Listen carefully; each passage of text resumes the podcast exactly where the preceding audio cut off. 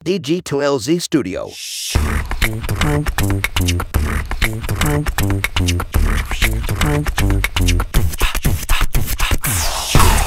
Selamat pagi, siang, sore, atau kapan pun waktu yang teman-teman pakai untuk mendengarkan podcast ini. Kembali lagi bersama saya Panji, dan kali ini sudah bersama saya adalah Tom Hart Suprapto Siadari, PhD, bos.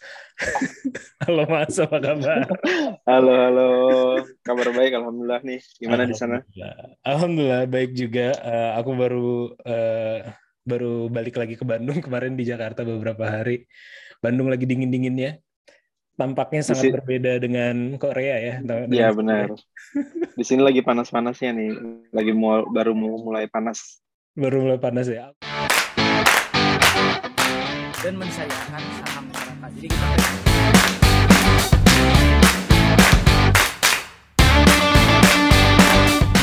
beda sama Jakarta, kalau orang Bandung tuh uh, pasti investasiin buat sekolah anak. Golf itu something new gitu. Saya kupu-kupu mungkin uh, ayahku tuh satpam gitu kan.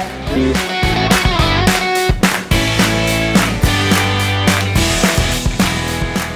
Sebelumnya aku perkenalkan dulu buat ke pendengarku ya. Uh, bagi yang belum tahu, Tom Hart uh, ini adalah Uh, mungkin nanti akan lebih banyak kenalan juga ya. Uh, cuman aku kenal beliau adalah karena beberapa minggu lalu aku berada di Seoul uh, dan juga uh, sempat ketemu sama Tom Hart. Uh, beliau anak Bandung, kuliah di Telkom, tapi udah kalau nggak salah 11 tahun ya berarti ya. Iya benar. Tahun, uh, berada di Korea Selatan, udah jadi opa-opa Korea nih. dan uh, profesinya sangat menarik ya buat aku sendiri ya paling tidak ketika kita diskusi di sana makanya aku ajakin podcast kan beliau ini uh, apa mungkin nanti bisa dijelasin lebih lanjut ya. Intinya adalah uh, kalau aku baca di LinkedIn principal researcher di sebuah startup company di Korea yang fokus uh, di digital dental hub hub ya sebagai digital dental hub uh, dan beliau juga saat ini ketua forum APIK ya forum uh, asosiasi peneliti di Korea eh Asosiasi yes. Peneliti Indonesia, Indonesia, di Korea. Oh iya. Oh iya, I-nya Indonesia di I-nya Korea. Indonesia, benar, benar. Lupa. ya, kita akan kenalan lebih lanjut dan sekaligus ngobrol-ngobrol. Mungkin sebagai awalan boleh uh, Tom disapa dulu teman-teman sekaligus uh, mungkin sekilas backgroundnya seperti apa bisa diceritain. Silakan, monggo. Oke, okay. ya uh, assalamualaikum warahmatullahi wabarakatuh. Halo semuanya. Uh, biasanya dipanggil Tom ya. Tadi udah disebutin nama lengkapnya Tom Hurt dari biasa dipanggil Tom atau Tom Hurt. Sekarang sih posisi di Seoul. Kebetulan ya uh, di Seoul udah mungkin kalau alamat KTP-nya sih KTP Korea ya udah dari 2018 sebenarnya di Seoul. Cuman kalau beneran stay-nya gitu nggak bolak-balik gitu ya eh, sekitar dua tahun. Eh, kemudian tadi udah disebutin 11 tahun ya di sini ya. Siapa yang yang kasih sebenarnya dulu awal-awal datang sih nggak nggak nggak kepikiran bakal 11 tahun gitu ya. Tapi sampai 11 tahun uh, kerja jadi juga udah ya di di DDH namanya DDH di disebutnya di DH ya. Uh, kemudian uh, sebagai principal AI researcher ya sebenarnya itu padanan bahasa Inggrisnya sih sebenarnya kalau bahasa Koreanya itu namanya Chekim Nongguon ya dicoba disepadankan gitu dengan bahasa Inggris yaitu uh, principal researcher sebenarnya. Nah jadi uh, ngerjain AI sehari harinya uh, ya di Korea dengan keluarga istri sama anak udah kayak gitu aja. Oke, mungkin sebelum kita bahas masalah DDH atau uh, forum apiknya juga ya, uh, aku pengen uh, tanya terkait dengan background nih. Uh, kita hmm. kan pas lagi ngobrol-ngobrol sebenarnya sempat kenalan dirimu tuh di S1-nya di Telkom uh, Elektro ya, eh uh, informatika ya? Hmm, telekomunikasi malah. Oh iya, telekomunikasi. Ya, telekomunikasi ya, telekomunikasi. Jadi dulu uh. cuma ada tiga jurusannya pas pas uh. pas saya masuk itu dulu pas aku masuk situ uh. baru ada tiga jurusannya uh. Uh, telekomunikasi terus apa lagi In, telekomunikasi industri sama informatika Oh ya, temanku juga hmm. banyak ya teman SMA banyak yang masuk hmm. Telkom juga gitu. Mungkin sekarang yang masih bergerak di bidang engineering sih kayak aku lupa jurusannya dia. Namanya Riyad. Dia di Telkomsel sekarang Telkomsel atau di ya Telkomsel kalau nggak salah anak basket sih dia kalau di eh, Telkomnya juga, cuman nggak tahu jurusannya apa ya IT mungkin ya. Iya iya. Ada- Banyak sih. Banyak banyak temen temen aku sama Jakarta, Jakarta Hmm. Timur, jadi banyak juga yang ngampus di Telkom pada waktu itu. gitu. Nah, eh, gimana ceritanya pertama kali? eh, berarti itu kalau 11 tahun yang lalu, 2011 itu kurang lebih eh, saat lulus atau setahun setelah lulus pindah ke Korea. Oh, lulus Maret ya 2011. Jadi Sama. enam bulan, Sama enam kita. bulan. nama sama ya berarti enam bulan berarti. Karena saya masuknya fall, kebetulan masuk fall. Jadi dua, kalau fall kan berarti September ya. Hmm. Sekitar enam bulan setelah lulus, sempat probation dulu dulu di kerja ya sebenarnya di Jakarta dulu probation tiga bulan, terus eh, resign langsung lanjut. Tapi memang pas dari lulus sih udah prepare ya sebenarnya ya. Hmm. Udah prepare kalau mau S2 gitu rencananya awalnya mau mau sekolah lah, cari-cari scholarship ya. Kalau dulu kan beda dengan sekarang ya. Iya. Agak agak apa sih dulu? Agak susah kita nyari informasi masih pakai inget nggak ini? Ya, mailing mailing list, Oh iya iya. Yahoo. Milis milis. Ah, milis, ya, milis benar. Iya iya iya. Jadi mantauin milis, beasiswa dulu. Jadi ya 2011 lah fall itu ke Koreanya. Hmm. Terus eh, ngambil apa pas di sana dan kampusnya? Nah, nama kampusnya itu Kumoh National Institute of Technology ya, disebutnya KIT. Jadi itu eh, inilah kampus eh, kecil ya. Dulunya kayaknya vocational school apa ya. Intinya kampus kecil di kota yang kecil juga, namanya Gumi ya. Nama kotanya Gumi. Jadi di provinsi namanya Gyeongsangbuk-do. Nah, datang ke sana ini unik sih sebenarnya. Jadi dapat beasiswanya dari senior, Hmm. alumni TELU juga, alumni Telkom juga dulu senior gitu. Dulu kan masih STT Terus- ya zaman-zaman kita ya. Ya dulu masih STT. Eh, dulu Telkom ya. saya saya udah lulusnya udah ITT dulu. Oh iya ITT ya. Oh. Masuk sih STT benar, masuk STT terus lulusnya ITT, Eh, sekarang TELU. value ya ya. Eh, jurusannya Apa nih dulu kita nih orang lama kita nih. Daya kolot eh Bandung Coret. Bandung Bandung Coret. Daya kolot ya. Eh ke sini dulu jurusannya ini S2-nya IT Convergence. Jadi agak beda ya, tapi memang core kompetensinya di profesor itu eh, profesor jurusan eh, minatnya di wireless. Jadi kan telkom Telkomsel itu kan eh Telkomsel lagi. Telekomunikasi itu kan luas ya ininya apa eh, areanya kan. Ada yang wireless, ada yang wired, ada fiber optik, macam-macam lah, ada elektro gitu kan, ada network. Nah, yang kebetulan yang saya ambil wireless. Jadi cocok sama profesornya meskipun jurusan kita IT convergence. Jadi itu angkatan kedua kali ya jurusan IT convergence di KIT waktu itu. Eh, kenapa ke Korea? Maksudnya em, ka- kalau di zaman-zaman kita dengan umur kita yang sama kurang lebih mungkin kalau Asia Timur yang pada waktu itu jadi incaran generasi kita itu kebanyakan Jepang kan. Hmm, exactly ya. Eh, apa ya secara kedekatan emosi eh, maksudnya dari kecil kita nonton anime atau baca waktu itu K- K-drama mungkin tidak seje- sesemarak dorama ya pada waktu itu kalau kalau aku lihat secara culture-nya ya apa karena pure eh, kampus dan beasiswanya atau ada juga udah ke- ada ketertarikan eh, terkait dengan K-pop atau apa sih? K-pop ya. Se- sebenarnya sih eh, nggak terlalu juga ya K-pop ya. Cuman eh, apa namanya ya kalau dulu kan kita ya do, dorama ya namanya J apa dora, dorama ya J drama gitu ya.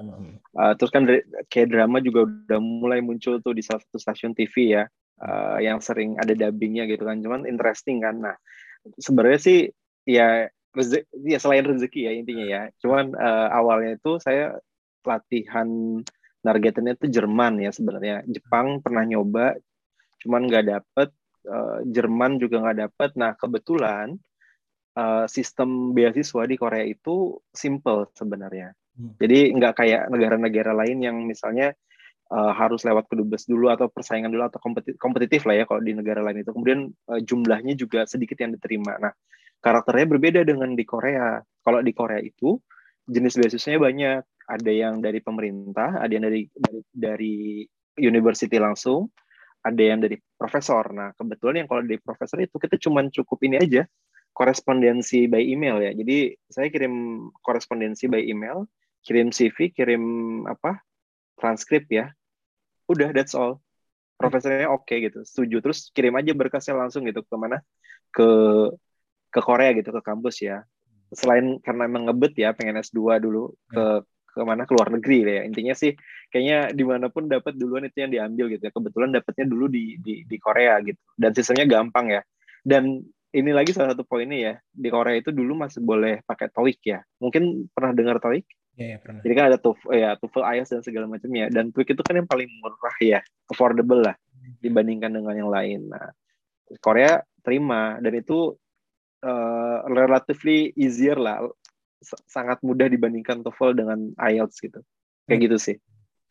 Eh, iya, aku, aku pernah dengar juga waktu itu kan pernah podcastan juga sama Aji ya, Aji. hmm. eh, pas kita ngobrol kan eh, dirimu juga kenal ya. Eh, aduh nama panjangnya lupa. Aji Teguh Aji Teguh Ya Aji Teguh ya Aji Teguh. Eh, dia juga cerita dapatnya dari profesor. Berarti kalau Hmm. kalau di sana profesor itu eh, bisa mengeluarkan beasiswa pribadi atau dia dapat jatah Maksudnya dia akan membayari pribadi atau dia dapat jatah dari kampus atau dari negara untuk mengelola dana beasiswa maksudnya? Nah, ini tuh tergantung. Jadi ada case by case ya. Kebetulan yang pas S2 itu adalah case-nya profesor, jadi ada program namanya Global IT Program dari Hmm. dari institusi namanya NIPA ya, NIPA.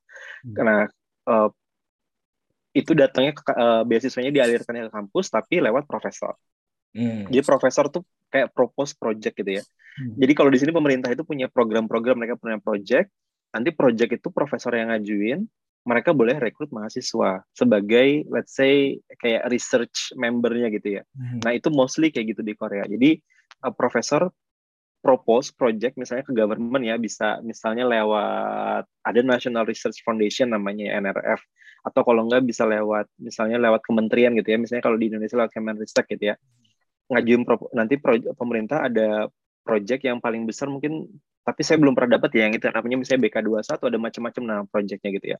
Kemudian propose dapatlah project profesor. Nah itu boleh merekrut di dalam project itu ada bagian ini namanya kayak apa ya honorarium kali ya. Jadi kalau mau researches ber- ada berapa persennya misalnya.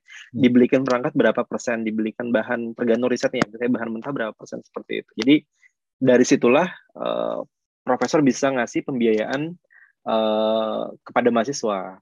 Hmm. Nah itu jadi nggak nggak pernah kalau tak bilang sih nggak pernah ya dari dari dari apa namanya his pocket gitu. Kayaknya enggak sih. Kalau dari dari his own pocket ya enggak kayaknya. Eh, biasanya dari project memang biasanya Iya, iya. Kayaknya itu eh, kalau di Indonesia belum terlalu apa ya? Ada sih model-model kayak research kompetisi yang dikompetisikan kayak gitu Hmm. atau juga project dari government terkait dengan riset tertentu, tapi biasanya memang ngambil yang existing student. Jadi bukan kalau ini kan berarti eh, ketika eh, dirimu apply itu eh, udah tahu ada kira-kira apa yang mau di tesis ya eh, atau disertasinya kalau kalau la- lanjut lagi. Udah udah tahu temanya dan udah spesifik. kalau sampai situ sih enggak kalau di sini. Jadi memang eh, kalau yang NAIPA ya kalau yang waktu itu Global IT Program sih enggak. Cuman memang ada kalau misalnya projectnya yang udah ada yang title projectnya gitu ya. Kalau NAIPA Global IT Program dia nggak ada eh, yang lebih spesifik kayak gitu. Cuman paling coverage ininya aja research areanya. Tapi kalau misalnya memang project yang sudah ada fix Hmm. judulnya dan areanya apa goalnya apa berarti ya kita mau nggak mau harus kerjain itu nah itu mungkin let's say kelebihannya karena kita bisa banyak di sini uh, scholarshipnya karena projectnya banyak juga jadi bisa ngerekrut mahasiswa dengan lebih mudah gitu ya nggak serigid misalnya di negara lain ya Hmm. kompetisinya banyak misalnya gitu kalau di sini uh, projectnya memang banyak gitu di profesor mostly ya mostly Hmm. mostly hampir seluruh profesor di universitas itu mereka bisa mengajukan project gitu kan. Jadi banyak kan mahasiswanya kebayang gitu kan ya. Nah kekurangannya adalah ya tadi kalau misalnya di awal kita udah terassign ke salah satu project A gitu ya kita mau ganti itu susah. Karena kita harus jalanin riset itu mau nggak mau gitu kan. Riset yang sesuai dengan project itu tadi. Mau nggak mau ya meskipun kita bisa cari celah lah untuk cari interest kita di mana gitu ya. Cuman ya uh, mostly kita harus ngikutin biasanya ngikutin project Iya, iya, iya, iya sih. Itu menarik sebenarnya. Jadinya kalau kalau di sini, kalau setahu saya sih, dan mungkin pengetahuan saya terbatas ya. eh, kalau beasiswa profesor gitu, paling memanfaatkan ya tadi memakai uang pribadi atau ya tadi hanya penyalurannya aja di diarahkan. Tapi kalau dari awal eh, ibaratnya merekrut mahasiswa baru untuk sekolah di kampus dia, tapi eh, untuk project riset yang memang dia handle kayaknya belum belum sampai sejauh itu sih kalau setahu saya ya. Iya.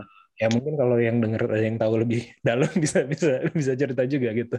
Karena Biasanya teman-teman ini, Ji, teman-teman lulusan Korea biasanya yang udah balik ke Korea, balik ke Indonesia, biasanya mereka mau coba cara seperti itu. Beberapa sih udah mulai ya sekarang-sekarang ya. Cuman memang eh, nggak tahu ya di Indonesia iklim risetnya seperti apa ya. Maksudnya detailnya ya. Eh, tahu tahu ini aja lah, tahu luarannya aja. Tapi memang ke sini ke sini kan lebih bagus ya. Nah kalau di sini memang banyak eh, itunya, projectnya itu banyak banyak banget ya. Iya, iya, iya, iya. itu menarik banget sih. Te- berarti itu beasiswa dari profesor atau beasiswa dari negara lah eh, di sana. Apakah ada kontribusi balik juga? Seperti kalau di Indonesia kan kalau atau beasiswa pemerintah Indonesia kan ada kayak Hmm. lo harus kontribusi balik ke negara atau pulang dan segala macam. Ada mekanisme seperti itu kah? Eh, Hmm, enggak sih, mostly. apa? Eh, Karena kalau yang dengerin podcast gue eh, kebanyakan adalah mayoritas terbesar adalah umur 24 34 ya seumuran kita Mhm. atau 10 Mhm. tahun ke bawah. Eh, yang mana mereka juga kadang-kadang masih suka nyari beasiswa, tapi ada juga yang 18 sampai 24 itu ceruk kedua tergede yang yang juga nyari lulusan ya nyari beasiswa mau kuliah. Jadi mungkin bisa bisa ngasih ini. Oke, oke. Mostly sih enggak ya, enggak ada terikat. Jadi kalau udah selesai, udah selesai gitu ya. Yang penting memang KPI pada saat eh, ininya ya, pada saat risetnya itu tercapai. Jadi kita punya target output misalnya dalam satu tahun ada berapa paper yang harus dipublikasikan misalnya. Atau berapa paper yang harus dihasilkan dari project tadi. Hmm. Dan itu biasanya dalam satu project ada beberapa mahasiswa. Jadi nanti bisa, ya mungkin kalau partneran sama yang let's say smart gitu ya, papernya banyak gitu kan, akhirnya ketutup gitu si projectnya, uh, outputnya. Karena memang di sini rata-rata output projectnya dari selain paper lah, jurnal, paper journal ya. Tapi memang sistem jurnalnya di sini kan pakainya ada namanya mereka indexing, ada indexing tertentu ya. Hmm. Uh, biasanya pakai SCI, SCIE gitu ya. Uh, yang Korea nih, Korea tuh suka banget jenis jurnal. Kalau di Indonesia mungkin Scopus mainnya gitu kan. Kalau di sini nama mereka suka indeksnya SCI, SCIE namanya. Nah, yang penting outputnya tercapai.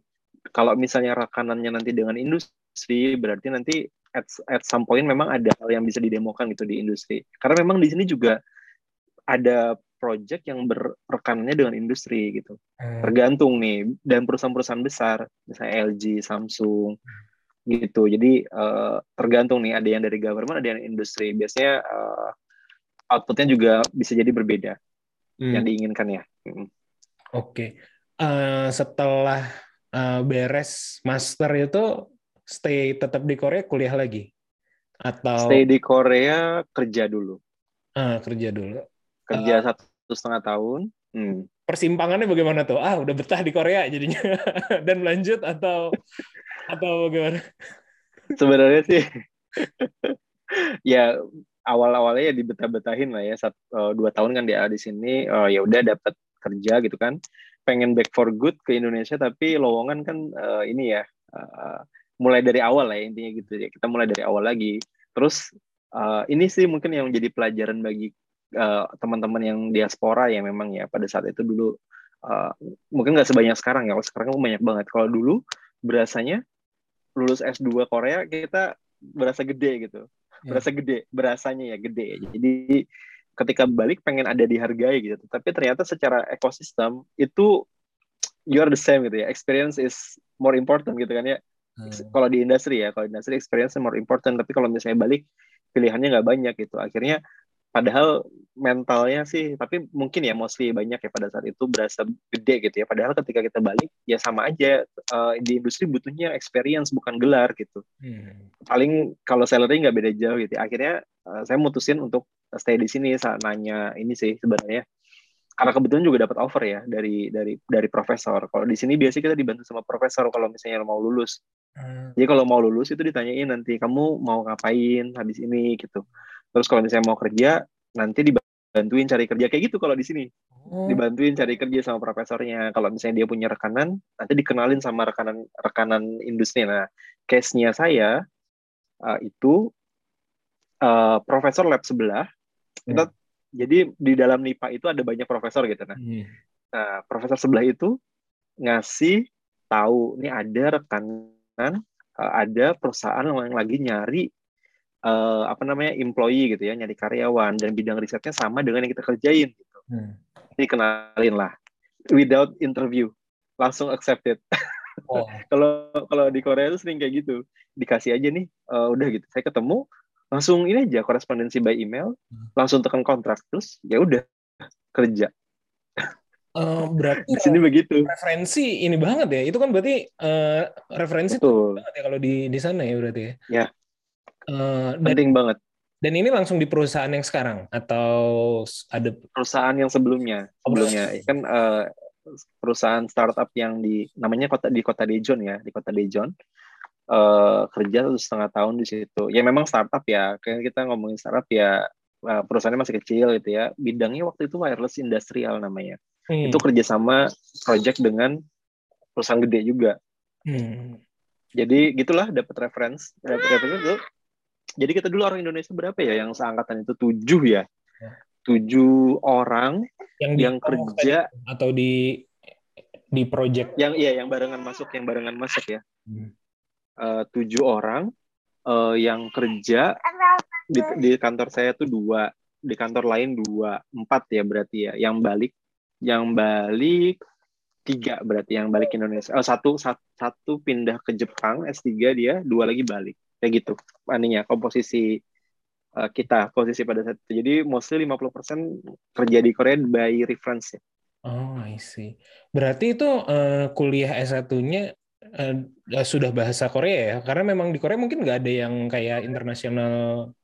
kita full English ya full English Oh. full English uh, kebetulan uh, uh, nah ini menarik sebenarnya di Korea ini ya jadi full English jurusan kita itu departemennya kan IT convergence Hmm. mostly orang asing yang banyak orang Korea lebih dominan orang asing uh, di di program tersebut makanya jadinya bahasa bahasa ini bahasa Inggris ya meskipun administratif ya bahasa bahasa Korea ya administratif di kampusnya ya nanti itu ininya di apa eh, kalau yang kampusnya besar biasanya mereka lebih English friendly jadi eh, sistem website-nya bahasa Inggris dan kalau yang kampusnya kecil memang bahasa bahasa apa bahasa Korea ya cuman kita kebetulan eh, dosennya bahasa ini profesornya bahasa Inggris Hmm.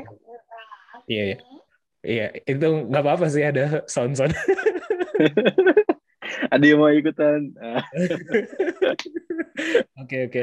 Eh, oke, setelah itu kerja eh, apa lalu ngambil kuliah lagi, Eh, berhenti kerja atau dibiayai oleh kantor eh, yang berhenti kerja sih sebenarnya. Berhenti kerja. Itu bos waktu itu nahan-nahan juga jangan apa? Hmm. nggak usah lah gitu keluar katanya ya. Kita masih apa butuh employee gitu kita butuh kamu di sini. Tapi eh, saya ini ini ya kembali kayak mimpinya ya mimpinya kan pengen sekolah S3 gitu dan udah kadung di Korea ya udah lanjutin lagi lah di Korea gitu kampus sebelah jadi di kota yang sama tapi di di, di apa di di kampus yang berbeda ya dari yang S2 gitu Hmm, nah gitu Heeh. jurusannya masih di bidang yang sama. jurusannya beda jurusannya beda waktu propose nah ini Hmm. back to square one project lagi Hmm. jadi propose-nya waktu di dissertation pro, eh, bukan dissertation ya apa namanya research proposalnya ketika ngajuin daftar S3 kan kalau S3 biasanya pakai research proposal ya di research proposalnya ngajuinnya tentang IoT dulu kan lagi booming tuh 2015 IoT ya kalau di Korea itu IoT wireless IoT gitu kan proposal itu ternyata pas masuk eh projectnya berakhir setelah berapa bulan ya? Setelah, setelah tiga bulan kayaknya. Hmm. Projectnya berakhir. Akhirnya ada project baru kan. Hmm. Nah project baru ternyata nggak support di di IoT. Oh. Beda projectnya. Oh, berarti ini kayak kejadian yang tadi diceritain gitu lah ya. Iya kejadian dengan kejadian. Iya benar. Projectnya beda yang datang. yang datang beda projectnya. Tapi eh, hikmahnya besar tapi dalam ini ya dalam karir nih. Oke. pas ganti pro project ternyata project yang datang bidangnya AI dan itu belum lagi lagi hot-hotnya di Korea ya Hmm. karena ini apa yang Go permainan Go itu ya, awalnya ya ya ya dari itu ya AlphaGo ya Alpha. ngalahin Lee Sedol kan. Ya, betul. Nah, dan itu booming pada saat itu di Korea AI 2015. Oh iya 2015-an itu ya. Yes, Tapi- pas banget itu. Oke oke oke oke. Tapi ini kan saya pernah nyoba juga tuh eh eh, ya mungkin karena generasi kita kalau saya referensinya main Go itu gara-gara komik kan dulu ada Hmm, terkenal komik Jepang Hikaru no Go ya. Nggak tahu dirimu suka baca komik apa enggak ya. Cuman pada ketika saya kalau nggak salah 2017 sampai 2000 pokoknya 2018 atau 2019 gitu pernah ke Shenzhen dan ke kantornya apa ya eh, company gede itu Tencent Tencent di Shenzhen terus kita testing eh, entah itu AlphaGo atau AI yang dikembangin sama si Tencent ya eh, di. Zen itu dan kita main gitu dan memang jago gitu jadi jadi maksudnya eh, ternyata eh, ta- tapi nggak tahu itu AlphaGo apa enggak gitu ya tapi memang eh, kalau kalau kita ngomongin catur kan memang udah sejak lama Hmm. ya kalau kalau Go kan jauh lebih rumit ya lebih ke strategi lah kayak gitu ya Eh, Betul. berarti eh, efek dari itu eh, project di Korea ter- terkait dengan AI juga meningkat atau justru malah eh, ikut terlibat dalam project yang prestisiusnya gitu misalnya. Salah satu efeknya kali ya, karena kan itu pride ya sebenarnya. Hmm. Tapi ini ini ya persepsi saya tapi ya persepsi saya gitu ya. Ketika non- apa namanya tahu itu, maksudnya pride itu adalah mereka shock kan terhadap performance itu gitu. Karena memang eh, AI itu ya deep learning namanya ya sebenarnya lebih ke arah deep learning sih pada saat itu. Deep learning kan itu 2012 ya gitu kan. Yang boomingnya ya ketika eh, ini sorry ya kalau atau technical lah intinya di 2012 itu ada kompetisi namanya ImageNet gitu kan pakai dataset ImageNet namanya ada satu juta data gitu ya pada saat itulah deep learning mulai uh, dia bisa menang gitu first winner sebelum sebelumnya pakai machine learning gitu ya konvensional kita ngomongin konvensional ya konvensional uh, algorithm gitu ya Uh, ekstraksi fitur dulu terus baru uh, apa namanya machine learning lah gitu ya. Terus 2012 kan 2012 nggak terlalu jauh ya dengan 2015 ya sekitar tiga tahun gitu ya.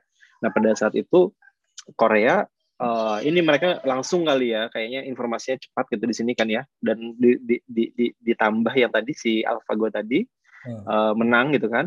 Akhirnya mungkin sadar gitu kali ya adalah ini eh, persepsi ini saya ya pendapat saya mungkin mereka sadar governmentnya bahwa oh ya ini adalah sesuatu yang perlu kita kuasai gitu ya yang perlu kita segera ini. Akhirnya project-project terkait itu berkaitan dengan dengan AI termasuk salah satunya project yang saya kerjain itu nggak termasuk dalam ini ya nggak termasuk dalam yang apa namanya dibiayai internal oleh research institute. Jadi kan eh, ini agak complicated sih ngejelasin kampusnya. Intinya kampusnya itu namanya UST ya. UST itu dia dibangun atas eh, kolaborasi sekitar 32 research institute gitu ya. Sekarang atau lebih gitu ya 32 research institute. misalnya tapi kalau kalau sekarang kan BRIN ya namanya ya di Indonesia. Hmm. kalau di Korea pisah-pisah gitu ya. Ada namanya let's say LIPI ada bahkan kalau di sini masih seperti itu ya mereka berkolaborasi membentuk eh, sepakat membuat kampus namanya UST. Nah, saya ditempatkan namanya institutnya namanya E3. Nah, di E3 ini mereka punya dana internal gitu ya. Pada saat itu proyeknya kita propose buat ini, buat sinema sebenarnya. Jadi kalau sinema 3D, Iya. kebayang 3D itu kan sinemanya ada yang kayak muncul gerak-gerak itu ya. Nah, kita mau propose eh, di proyek kita itu namanya 4D. Kita 4D. Jadi selain selain eh, apa namanya? Ntar, kalau 3D apa? 3D kan yang gambar. Oh ya, benar. 3D kan yang gerak-gerak ya. Kalau 4D itu tambah ini, tambah ada vibration, ada sound ini apa sound itu wangi-wangian gitu ya. Nah, kita mau membuat sistem otomatis berdasarkan artificial intelligence itu bisa otomasi sistemnya. Jadi kalau misalnya nggak perlu manual lagi gitu sistemnya. Nah, itu yang kita yang dikerjain pada saat itu di di lab. Oke. Eh, ini menarik nih ya. Mungkin ada ada beberapa turunan nih jadinya ya. Eh, pertama mungkin triggernya adalah eh, di di Korea kan memang tadi ya eh, AlphaGo itu memang 2015 ya kalau nggak salah ya benar ya 2015 yang Kayaknya sekitar itu ya. eh, 2015 dan kan eh, mungkin jadi ke-trigger banget karena eh, permainannya Go kan. Go kan di Korea mungkin ini kali ya apa masif kali ya gitu ya Oh iya, iya, Oh, iya. karena kan iya. sebenarnya gue dari dari ini ya, Jepang ya? salah satunya dari dari dari Korea di Korea juga Mango. kan yang permain yang mela- yang dikalahkan sama Yang AlphaGo itu dari Korea, Bisedol itu. Ah, iya berarti mungkin gara-gara itu juga jadi kayak pride-nya eh, betul. ah. senggol lah ibaratnya gitu. Kalau kita harus bikin juga kalau mau ada yang ngalahin pemain tradisional kita ya harusnya kita sendiri mungkin kayak gitu ya secara Hmm. ini. Eh, terus yang kedua adalah yang yang eh, menarik kalau menurut aku itu adalah eh aduh lupa tadi poinnya. mau mau eh, di lembaga riset aduh lupa lupa lupa. Oke oke lanjut aja. Lanjut. Oke jadi di situ uh, justru malah nge-research terkait dengan uh, 4D uh, ini ya apa namanya di sinema ya kayak gitu. Uh, kalau yang eksis uh, kebanyakan kan uh, manual kayak gitu ya. Bahkan kayak di Universal Studio kalau yang implementasi ininya juga hanya film-film tertentu yang memang udah di set kayak gitu kan. Sense-nya Betul. juga vibrationnya sesuai dengan waktu-waktu kapan yang memang udah ini. Kalau itu nanti idealnya eh, film apa pun yang dimainkan udah otomatis eh, bisa eh, bisa experience 4D kayak gitu ya. Iya, idealnya ya. Cuma memang kan ini sistemnya namanya juga masih project ya. Jadi kita bikin kayak prototype lah buat dikembangkan kalau misalnya kerjasama dengan saya perusahaan sinema ya. Kalau misalnya di Indonesia misalnya apa, eh 21 misalnya gitu. Kalau di sini ada namanya CGV dan segala macamnya gitu ya. Kita bikin prototype dan eh, propose ini sih. Kalau research, research institute itu kan nggak sampai real product ya kita mainnya ke lebih teknologi teknologi yang kita propose gitu ya kita kita bikin paten kita bikin prototype nanti teknologinya bisa dijual misalnya dipakai sama industri gitu nah lebih ke arah situ sih tapi yang sep- seperti yang disebutkan Panji tadi ya eh, kita bikin prototype itu dan yang menarik memang kalau di sini project itu nggak satu tahun dua tahun biasanya tiga tahun Hmm. tergantung sk- skalanya sih tapi memang ada yang satu tahun ada cuman yang waktu itu project itu tiga tahun ya biasanya normalnya mereka tiga tahun itu Hmm. atau lima tiga sampai lima tahun kalau misalnya yang projectnya base lebih basic itu tujuh tahun makanya kalau PhD kan kita, tahun. em, lima gitu kan apa namanya eh, tersupport gitu sama project makanya mereka berani ngambil ini Iya, ngambil mahasiswa gitu karena udah disupport sama project tadi sekitar kira-kira lima tahun lah Hmm, I see. Eh, enggak, eh, nah pertanyaan saya apakah itu jadi diambil oleh CGV gitu misalnya eh, teknologinya Hmm. atau sudah sampai mana pada waktu akhir itu? pada waktu berakhir unfortunately sih kita uh, projectnya ended ya uh, lebih cepat dibandingkan yang diharapkan. Jadi mestinya tiga tahun uh, tapi kita selesai dua tahun. Hmm. jadi satu tahun lagi nggak dilanjutin. Uh, dengan berbagai pertimbangan lah ya. Hmm. Uh, pada saat itu memang karena sistemnya masih baru ya mungkin kayaknya uh, apa uh, projectnya terlalu sulit dibanding di, daripada yang kita bayangkan. Mungkin ya mungkin ya.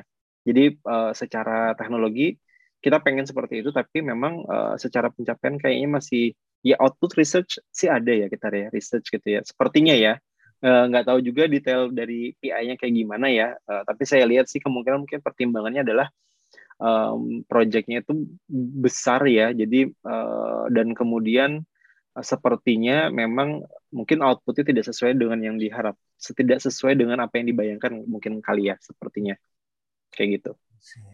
Tapi itu menarik banget sih sebenarnya karena saya saya termasuk penyuka nonton film di bioskop ya. Maksudnya Hmm. dan experience itu mm, kalau bisa tertransfer dengan baik itu eh, mena- apa ya akan bikin experience penonton lebih bagus sih. Eh, sam- sampai beberapa tahun yang apa ya eh, saya apa ya sempat diskusi lah sama teman-teman yang suka-suka nonton kayak gitulah. Jadi kita nge- ngebayangin ya kalau yang 4D oke lah udah ada gitu. Bahkan hampir semua indera udah bisa dikenakan gitu. Eh, penciuman juga kayak gitu eh, kulit vibrasi dan segala macam cuman nggak ada waktu itu adalah rasa gitu rasa yang di lidah ya maksudnya. Sampai eh, saya datang di conference atau di pameran lah kayak di Next Rise kemarin itu tapi di Singapura acaranya ya tahun tahun 2018 atau 2019 gitu kalau nggak salah. 2018 kayaknya deh. Ternyata di sana tuh ada yang ngembangin semacam kayak eh, dia bikin eh, apa namanya gelas gitu ya. Gelasnya gelas plastik tapi ada beberapa sensor dan ada beberapa chemical yang akan bekerja di sana. Dan di- yang dituangin air putih biasa tapi kita bisa milih eh, mau rasa apa. Karena eh, di situ tapi dia spesifiknya ke alkohol ya. Jadi kayak wine yang apa terus juga misalnya eh, apa segala macam gitu. Eh, ketika kita pilih picture-nya atau apanya nanti yang diminum rasanya berubah jadi seperti itu gitu. Eh, di Korea ada pengembangan ke arah situ juga nggak ya? Atau yang dirimu ketahui? Kalau dulu sih kita targetnya sebenarnya lebih ke arah ini ya, ke mana ya? Kayak amuse, bukan amusement park sih, kayak misalnya em, apa ya namanya ya, bukan amusement park. Jadi kalau di Korea kan banyak ini nih, banyak kayak pusat permainan. Kok susah banget sih nyari kata yang tepat ya? Jadi kayak kayak time zone gitu maksudnya ya kayak misalnya kayak time zone, kayak animation center lah kayak gitu kan ya. Nah itu kan nanti biasanya ada ada film anak-anak Oh. yang di animasi atau apa gitu ya. Nah, kayaknya targetannya sih ke arah situ juga ya sebenarnya. Jadi lebih ke arah kayak mau dipakai di Oh. tempat-tempat seperti itu. Jadi nanti jadi misalnya anak-anak bisa uh, kursi kalau movie-nya di ini dia goyang kan seru tuh kalau anak-anak ya lebih berasa kan kayak gitu ya. Karena kalau misalnya orang dewasa uh, nggak tahu nih kalau di Indonesia masih ada nggak yang 3D cinema? Masih. Masih mungkin kan tapi Nggak tahu ya berapa seberapa besar peminatnya ya. Kalau memang yang suka banget kan mungkin mau ya nge, nge- apa ngerogoh gocek benar kan bahasa Indonesia gitu? Cok- iya Eh, Ya, lupa juga ya kocek kocek ya kocek ngerogoh kocek segitu ya. Karena kan lebih more expensive kan ya. Nah, eh, kalau di sini sih ke arah situ, teman kalau pengembangan lebih jauhnya sih nggak ngikutin lagi ya. Karena pada saat itu kita ganti project lagi. Oh. Saya ke assign project lagi yang lain. Dan itu tapi alhamdulillah ya ini Ah. hikmahnya kalau saya lihat tuh flashback ya sedikit flashback ngambil hikmah dari project yang gagal dan kutip gagal ya karena kan Ah. harus tiga tahun tapi di end eh, di di dua tahun pertama gitu ya ternyata memang projectnya susah banget gitu Hmm. pas setelah dipikir di sekarang ya karena itu bayangin aja movie kan banyak tip ininya jenisnya kemudian belum lagi genre apa eh, genre ya Eh, genre-nya ba- banyak gitu kan ya ada yang action ada ini tapi itu kan setiap berbeda setiap apa namanya perbeda kan apa sense-nya gitu kan ya apa efeknya itu beda gitu di setiap hal tersebut. Nah itu tuh belum terpecahkan sebenarnya ya. Bahkan kalau misalnya kita lihat stage eh, apa state of the art-nya sekarang AI itu Hmm. untuk yang video ya terutama kan kita ngambilnya video pada saat itu. Jadi video video klasifikasi recognition gitu ya. Nah bahkan kan sekarang itu eh, baru misalnya eh, ini ya misalnya mendeteksi kapan dia mulai actionnya itu scene-nya itu kapan mulai kapan berhenti berapa lama dia terjadi gitu ya scene-nya itu baru bisa gitu kan itu juga masih progres ya terus ya Hmm. kemudian mendeteksi frame-nya sampai segini, misalnya di sampai frame 100 gitu ya. Kemudian dia bisa menebak melanjutkan sampai frame berapa Hmm. ke berikutnya gitu ya. Next frame-nya berapa gitu baru sampai situ. Jadi memang challenging sih uh, pada saat itu ya project-nya ya. Tapi kita memang kayaknya yang PI sama yang tim ya. Tapi kan saya mahasiswa ini ceritanya ya, bukan researchers gitu ya di situ ya. Cuman anak bawang lah ibaratnya ya. Anak bawang kalau sebagai mahasiswa nih. Uh, mereka salut saya ya mereka punya ide seperti itu sebenarnya. Uh, outputnya sih saya kebagian kecipratannya paten ya sebenarnya. Patennya kita paten Korea sama paten US, US patent. dapat Kebagian ke, dapat iya dapat dapat. Udah registrasi. Sa- Udah sampai registrasi ya, maksudnya udah bener-bener uh, apa approve gitu ya, apa re- registered ya, bukan apply apa apa, Bukan. bukan submitted, uh, bukan apa namanya ada tahap beberapa tahap kan ya. Uh, sampai register gitu, Nah, meskipun bukan author, bukan first author ya, first authornya uh, profesor saya karena memang dia yang ini kan, yang lead ya, yang lead itu. Tapi saya kebagian kecipratan itu juga lumayan kan, uh, berapa tahun? 10 tahun apa berapa puluh tahun ya Iya. patent itu ya, iya iya itu kan lumayan kecipratan di situnya sih. Iya, karena menurut saya sih eh, sebagai yang suka nonton dan juga suka experience kayak gitu ya, menurut saya yang paling bagus sih saat ini tuh tetap di Universal Studio ya. Eh, kalau di Hmm. Universal Studio tuh ada beberapa wahana yang eh, baik itu yang jatuhnya kayak apa ya permainan gitu ya, atau yang kayak bener-bener kita nonton nonton bioskop gitu di sana mereka udah jago bagus banget ya. Eh, apa namanya uh, ngomongin 4D-nya gitu loh, ngomongin 4D atau kalau beberapa ya tapi itu campaign ya atau promosi mereka nyebutnya ada yang 5D bahkan kayak gitu. Cuman cuman itu Hmm. promosi apa aja sebenarnya. Tapi tapi yang paling bagus kayaknya memang trigger uh, trigger ke kemajuan teknologi atau di AI ya spesifiknya. Jangan-jangan memang di drive sama entertainment industri industri entertainment ya nggak sih Eh, Ya, kayak itu permainan atau misalnya yang ya permainan tadi benar. itu kan mungkin triggernya adalah gara-gara pengen challenging orang bisa ngalahin bukan dari yang prime gitu iya nggak sebagai apa memandang lebih ke sit, iya benar ex- experience gitu sih ya sebenarnya ya. Jadi immersive experience kan sebenarnya buat buat apa customers gitu kali ya. atau bahkan juga kan yang eh, waktu kita di eh, ngobrol di sana gitu di rumah cerita kan eh, di company yang sekarang eh, nge-build eh, apa namanya semacam kayak eh, eh, untuk untuk gigi ya apa namanya sih Hmm. bracelet gitu yang Iya. eh, yang lebih Clear aligner namanya. Clear aligner. clear line Aligner ya. yang itu lebih beauty lah ya, lebih lebih tampak menarik. Nah, itu kan juga tampak menarik itu bukan nice to have kan. Bukan something yang kayak eh, harus makan gitu. Tapi triggernya jangan-jangan pengembangan teknologi itu dari hal-hal yang nice to have gitu. Entertainment, kecantikan, permainan Iya. teknologi, eh, permainan apa tadi Go gitu. pernah pernah pernah ini nggak pernah pernah nggak so- karena kalau kita bisa unlock ini nih nah Hmm. sekarang kita bisa cari nih apa yang sekarang masih nice to have itu yang nanti kita risetin gitu kan sebenarnya. Kalau benar-benar ternyata polanya adalah begitu gitu. Hmm, hmm. Nah, jadi kepikiran juga menarik sih sebenarnya Eh, banyak ya sebenarnya ide menarik ya kalau di sini ya yang sebenarnya eh contoh ya kalau misalnya salah satu yang menarik itu eh ini. Tapi nggak tahu nih eh, terkait atau enggak ya. Jadi biasanya eh, ini nih eh uji coba barang ya sebelum kita beneran beli Hmm. kita bisa tahu dia cocok sama kita cocok dengan kita atau enggak gitu. Contoh kacamata. Hmm. kacamata juga kan itu sudah ada juga kalau di sini ya yang pakai AI teknologi ya. Jadi nanti dia bisa nyocokin sama muka kita gitu. Itu kan pinter banget ya sebenarnya. Ya sebenarnya kita kan bisa jadi nggak suka modelnya gitu tapi dengan si teknologi ini kita jadi kelihatan lebih cakep gitu ya. Sama kan sebenarnya dengan yang beauty tadi juga gitu kan. Eh, banyak ya kacamata atau sebelum eh, apa sebelum operasi ya oplas misalnya gitu ya. Dikasih ini kasih trigger oh kalau misalnya kamu dioplas tuh kamu jadi begini gitu. Jadi kan akhirnya ke arah sana gitu ke ke lebih bisa ngebayangin sih kalau saya ngelihatnya kayak gitu. Iya, iya.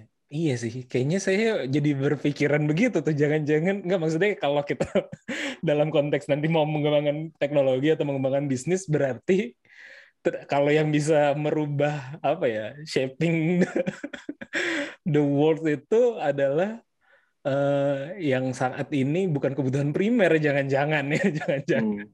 yang mau agak, agak dalam.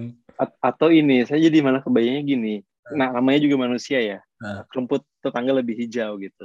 Jadi ta- tadi kan nice to have ya. Kayaknya kita cakep deh kalau misalnya punya gini gitu kan. Kita belum punya tapi kita belum punya gitu. Hmm. contoh ya misalnya kita belum punya tapi kita ngebayangin oh kayaknya nih oke gitu kalau misalnya kita punya itu. Makanya diiming-iminginya kan dengan tadi kayak misalnya operasi plastik ya. Hmm. eh, apa dengan teknologi misalnya Ya. face detection gitu ya. Kemudian dikasih tahu sama dokternya kamu kalau misalnya giginya dirubah sedikit seperti ini kamu lebih jadi lebih ganteng lebih cantik. Padahal belum dioperasi kan ya? Cuman dia udah ngebayangin kalau dia jadi cantik Hmm. jadi ganteng gitu. Nah sama kayaknya kacamata juga gitu kan. Kacamata juga belum diapa-apain belum beli kita. Tapi kalau dikasih lihat oh kayak saya Keren lebih ganteng nih makanya ini lebih keren nih gitu kan. Akhirnya mau beli gitu kan ya. Iya, iya, iya, iya, iya, iya, iya, iming-iming ya. iming-iming ya iming ya, iming-iming bahasa ininya iming-iming ya. Belum belum tentu padahal sebenarnya beneran bagus kan sebenarnya ya. Cuman ya te- eh, ininya eh, apa eh, trennya kayaknya banyak yang seperti itu sekarang o- Oke, oke. Ah, Nah tadi ba- balik sedikit ke eh, kampusnya tadi yang di eh, KS, eh, apa tadi UST. eh, UST ya UST Iya, oke. Eh, berarti eh, karena itu kan beasiswa juga berarti ya dari profesor. Eh, kalau ini beda Oh, sistemnya. bukan. Kalau yang ini ini model model model spesial sih dia. Jadi kampusnya punya karena dia memang tadi ya dari dari dari Project. government institutes kan ya Oh iya. yang bekerja government institutes jadi tentunya government institutes ini punya project mereka. Mhm. Nah, eh, mereka profesor tetap bikin project dengan tim. Eh, Hmm. bukan profesor sih intinya ada tim lah. Either profesor kita yang jadi PI-nya atau yang lain jadi PI yang jelas profesor kita ada in- included sebagai tim member. Kemudian kita juga sebagai mahasiswa bisa include dalam tim member itu tadi. Nanti kita dapat beasiswa tiap bulan. Kalau ini udah garanti tapi ya, garanti dan hanya ada S2 dan S3. Nggak ada S1 di kampus ini. I see. Nah ini, ini nggak, eh, saya nanya kayak gitu karena tadi kan ada perubahan project. Berarti kalau karena ini ibaratnya dalam tanda kutip eh, quote unquote di hire oleh si institusi riset tersebut, intinya mah terjamin ya karena eh, ibaratnya nanti kamu jalanin project apa pun yang saya kasih lah kayak gitu atau ngerisetin Ya, project apa pun yang kita kasih. Oke. Berarti ini sebenarnya eh, kuliah slash kerja juga ya hitungannya ya. Apakah ada kelas Iya. kelas biasanya eh, kelas umumnya gitu? Ben- eh, bener bener banget ya itu apa nice put lah ini kerja sambil kayak apa kuliah sambil dalam tanda kutip kayak kerja gitu kayak magang ya kayak intern jadi pas the apa nyisu menyesuaikan ini juga government apa namanya ya mungkin hukum di sini gitu kali aturan ya di sini ya. Jadi awalnya nggak ada kontrak awalnya ya cuman kontrak biasa kemudian naik jadi ada kontrak sampai terakhir pas, pas saya mau lulus itu dua tahun sebelum lulus kontraknya berubah lagi. Jadi jadi kita mahasiswa dengan kontrak ya dengan institut. Jadi ada dibagi tuh bela- belajar 8 jam Bentar, berapa ya maksimal agak lupa saya berapa lupa karena masih masih mahasiswa jadi waktu kerjanya kayak lebih sedikit ya. Hmm. cuman let's say ya saya lu agak lupa berapa maksimum waktu kerjanya. Jadi misalnya waktu kerjanya maksimum 30 jam let's say ya. Let's say kita sebut aja 30 jam itu. Sisanya 10 jam adalah belajar. Kayak gitu sistemnya. Jadi nanti ngambil kelas di 10 jam tadi. Kelas dan lain-lain lah ya. Intinya yang terkait dengan studi itu di 10 jam tadi. Tapi kalau kerja maksimal se- 30 jam tadi. Nanti kita di gaji ya dalam tanda kutip gaji. Sebenarnya scholarship sih digaji dari dari tadi dari project account uh, dari project yang kita ikuti tadi. Kayak gitu. Ya itu juga sistem yang menarik sih sebenarnya. Maksudnya eh, terlepas dari eh, mekanisme atau polisinya, tapi pasti kan secara salary ja- apa lebih murah lah ibaratnya dibanding dengan misalnya yang udah udah kerja eh, apa ya, yang profesional eh, researcher gitu misalnya. Tapi bisa memanfaatkan itu juga. Tapi brandingnya juga adalah ini sebagai kampus eh, dan juga researcher gitu kan. Maksudnya sebagai si kampus ini itu menarik sih. Kayaknya ada ada beberapa ada temen yang aku tahu memperlakukan itu deh di company atau di ininya dia juga ya. Dia tuh ada semacam kayak institusi jadi juga. Jadi gini eh, dari segi mahasiswa meskipun ini jadi tapi kekurangannya ya kalau kita ngomong kekurangan ya tergantung institusi tapi. Jadi researchnya itu nggak basic research kayak di negara lain. Kalau negara lain kan mungkin basic research ya. Kalau kita itu nanti dia ada ada berapa level research gitu ya anggaplah ada lima misalnya gitu kan. Ini yang ini kita berarti levelnya level 3 misalnya. Aplikatif tapi nggak terlalu bawah nggak perlu nggak terlalu basic gitu ya. Mungkin disesuaikan dengan kebutuhan Korea juga kan. Mereka belum butuh misalnya basic research gitu ya. Atau nggak cocok dengan basic research. Lebih kepada aplikatif ke industri nantinya gitu ya. Memang ini sesuai dengan tipe-tipe negara ya. Nah akhirnya mahasiswa dapat dua. Pertama dapat gelar gitu kan antara master dengan PhD gitu kan. Yang kedua dapat pengalaman. Dan kemudian akhirnya si research institute ini juga mereka bisa dengan otomatis mendapatkan uh, calon pegawai baru sebenarnya yang sudah dilatih kan oleh di training oleh mereka selama bertahun-tahun gitu kan. Minimal S2 2 tahun gitu kan. Kalau S2 kan 2 tahun gitu S3 5 tahun mereka udah teras gitu. Oh udah kenal nggak perlu lagi apa namanya uh, mentraining orang baru lagi gitu kan. Meskipun sistemnya beda ya harus ikut lagi nanti pendaftaran harus ikut interview lagi. Intinya job uh, pro, apa rekrutmennya tetap harus ikut dari awal gitu ya. Cuman kan mereka udah kenal ya. Iya, iya. jadi lebih preferable ternyata ya. Lebih lebih apa namanya udah udah kenal udah tahu gitu ya kualitasnya juga seperti apa gitu. Kan untung juga buat mahasiswa. Nah key point ini adalah bukan promosi tapi ya. Jadi kita dari Apik nih kita mempropos sebenarnya. Mempropos ide yang seperti ini ke ke mana? Ke ke, ke pemerintah ya melalui BRIN. Hmm. Jadi pada saat 2019 kita ketemu dengan presiden ya, kita sampaikan 2019 di Busan ketemu, disampaikan bahwa kita punya ide seperti ini, kemudian di realkan gitu dia bentuk proposal pada saat itu. Uh, kita jadi proposal tahun lalu kalau nggak salah apa tahun akhir tahun lalu lah in- dari teman-teman itu ya dari dari tim penyusunnya gitu ya. Kita bikin proposal tapi kita sebutnya di awal itu namanya Universitas Riset Indonesia ya. Hmm. Uh, tapi kita rub- tapi dari tim penyusun dirubah. Uh, ini kebetulan uh, apa uh, saya bukan bagian dari tim penyusun sih, tapi memang ini bagian dari program uh, langkah apik kita secara secara besar ya gitu kan dari tim penyusun. Uh, kita sebutnya namanya positioning uh, apa uh, research based uh, university 3.0 kalau saya nggak salah ya. Mudah-mudahan ini tidak salah nih saya nih. Saya agak-agak lupa berapa titik nolnya. Kalau dulu kita sebutnya URI, saya lebih familiarnya dengan URI ya. Nah, uh, Research Based University 3.0 karena memang udah ada di Indonesia yang mulai itu gitu ya. Nah, kemarin ketika ada Dewan Pembina BRIN ya datang ke Korea, kita sudah serahkan dengan bantuan ya KBRI ya proposal ini. Dan mudah-mudahan sih uh, ini mimpi mimpi dari kami sih sebenarnya dari Apik ya. Kalau misalnya kita uh, kayaknya di Indonesia cocok juga gitu dengan bagaimana caranya kita menambah jumlah researcher gitu kan ya ya dengan cara seperti ini mungkin bisa lebih cocok gitu ya kan kerja di situ dilatih di training kita dapat gel- yang diuntungkan mahasiswa apa dapat gelar dan kemudian langsung dapat employee yang siap kerja gitu Betul, betul. seperti itu sih Betul betul betul. Iya, saya dengar sekilas ini aja makanya makanya agak apa eh, nge ngegali lagi gitu. Karena ini menarik banget, baik itu dari sisi lembaga risetnya atau juga tadi seperti saya bilang, kalau nggak salah ada yang memulai seperti ini tapi private sebenarnya. Karena lebih ke kalau private kan lebih fleksibel dan juga lebih apa ya? eh aim-nya lebih ke komersil kan, lebih lebih clear ke komersilnya. Makanya ibaratnya pengeluaran dia expense untuk dalam tanda kutip quote unquote eh, scholarship slash eh, gaji itu kan. Jadi kalau kalau kita ngomongin eh, sekolah slash kerja berarti eh, kontribusi baliknya adalah scholarship slash gaji itu lebih bisa diukur gitu. Kalau nggak salah ada ada ada yang memulai gitu. Tapi kalau itu diberlakukan di kampus atau di lembaga riset, eh, let's say eh, eh, pusat ataupun daerah gitu, itu eh, keren banget sih. Ini ya case nih. Saya eh, dulu eh, selesai S1 eh, course ke Jerman belajar tentang manajemen rekayasa eh, manajemen inovasi lah secara general manajemen eh, manajemen inovasi. Balik ke Indonesia dipekerjakan dalam tanda kutip atau diminta perbantukan di Jawa Barat ya untuk kita transfer teknologi. Eh, jadi eh, manajemen inovasi itu salah satu fungsinya adalah eh, transfer teknologi lah pekerjaannya. Jual hasil riset ke industri atau dari industri butuh apa di riset kita risetin gitu.